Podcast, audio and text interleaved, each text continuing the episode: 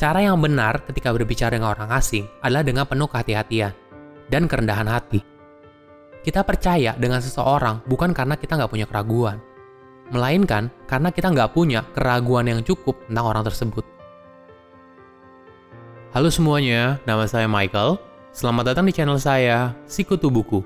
Kali ini saya akan membahas buku Talking to Strangers, karya Malcolm Gladwell. Buku ini membahas tentang interaksi kita yang kurang tepat dengan orang asing, hingga berakibat fatal. Sebenarnya ini karena kita nggak tahu bagaimana caranya komunikasi dengan orang asing, sampai akhirnya terjadi konflik dan kesalahpahaman yang dampaknya tuh besar banget buat kita dan juga dunia.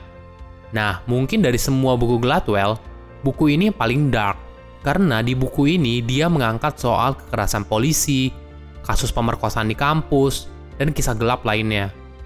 Gladwell mengawali bukunya dengan kisah Sandra Bland, seorang warga etnis Afrika Amerika yang diberhentikan oleh polisi kulit putih di Texas tahun 2015. Awalnya, Sandra di stop karena pelanggaran minor, yaitu tidak memberikan tanda saat dia pindah jalur. Karena dia kesal dan bersikap tidak kooperatif, polisi itu langsung menangkapnya dan menyebloskan Sandra ke dalam penjara. Tiga hari kemudian, Sandra ditemukan tidak bernyawa di bilik penjaranya dalam kondisi gantung diri. Kisahnya yang tragis kemudian menyulut gerakan Black Lives Matter karena dianggap merupakan tindakan diskriminasi. Dari kisah tragis tersebut, Gladwell menemukan fakta bahwa ada penanganan kasus kriminologi yang kurang tepat.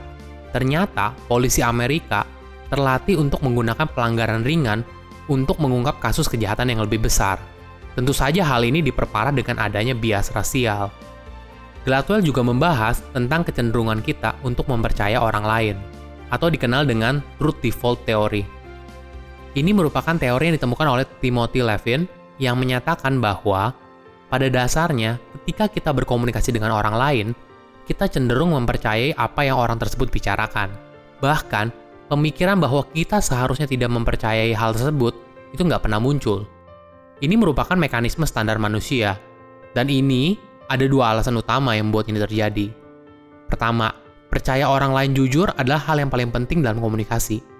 Apabila kita selalu tidak percaya, sangat sulit komunikasi bisa berjalan. Alasan kedua adalah kebanyakan orang biasanya selalu jujur hampir di setiap saat.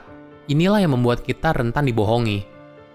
Dalam bukunya, Gladwell menceritakan kisah Larry Nazar, seorang ex-dokter dari timnas senam Amerika Larry merupakan tersangka dari kasus pelecehan seksual 250 gadis dan satu anak laki-laki selama puluhan tahun dari tahun 1992 hingga tahun 2015. Jadi dia selama ini nggak terdeteksi selama puluhan tahun karena persona dan juga pekerjaannya. Di bukunya, Gladwell menyatakan bahwa orang tua dari anak yang dilecehkan itu nggak pernah percaya bahwa Larry merupakan predator seksual. Nah, secara nggak sengaja, Larry juga dilindungi oleh orang tua murid karena reputasinya yang baik.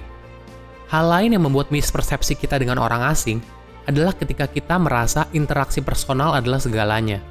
Gladwell menceritakan kisah Perdana Menteri Inggris terdahulu, Neville Chamberlain, yang percaya kalau Hitler itu pencinta damai. Nah, Chamberlain tuh sudah sempat ketemu Hitler tiga kali, dan dia percaya kalau Hitler itu nggak punya ambisi untuk menguasai dunia. Hitler cuma punya ambisi untuk merebut teritori Sudetenland. Bukan cuma Chamberlain, beberapa pemimpin dunia yang lain setelah ketemu Hitler itu percaya hal yang sama.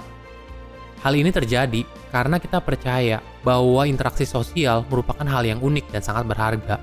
Sama halnya, kalau bisa perusahaan kan nggak mau memperkerjakan karyawan sebelum ada interview. Kenyataannya, politisi yang melihat dengan jelas ambisi Hitler untuk menguasai dunia adalah orang yang sama sekali nggak pernah ketemu dia, seperti contoh Perdana Menteri Inggris Winston Churchill. Selain interaksi personal, kita juga bisa menjadi bias kalau kita ngelihat penampilan seseorang. Gladwell menceritakan kisah Bernie Madoff. Bernie tampil dengan gaya yang meyakinkan dan merupakan ketua non-eksekutif pasar saham Nasdaq. Banyak orang pasti ngira Bernie merupakan investment banker jenius. Tapi nggak ada yang pernah nyangka bahwa Bernie merupakan penipu keuangan paling besar dalam sejarah Amerika dengan skema Ponzi-nya. Bahkan ketika seorang analis investasi Harry Marco Polos menyatakan bahwa Bernie penipu, nggak ada yang percaya. Banyak orang beranggapan bahwa tuduhan Harry itu nggak ada dasarnya, dan cuma persaingan bisnis.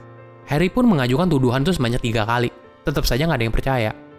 Sampai akhirnya Bernie ngaku pada anaknya bahwa investasi yang selama ini dia jalankan merupakan skema Ponzi dan akhirnya dia dipenjara hingga tutup usia.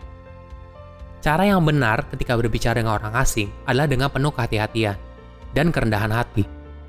Kita percaya dengan seseorang bukan karena kita nggak punya keraguan, melainkan karena kita nggak punya keraguan yang cukup tentang orang tersebut. Silahkan komen di kolom komentar pelajaran apa yang kalian dapat ketika baca buku ini. Selain itu, komen juga mau buku apa lagi yang saya review di video berikutnya. Saya undur diri, jangan lupa subscribe channel YouTube Sikutu Buku untuk versi animasinya. Bye bye.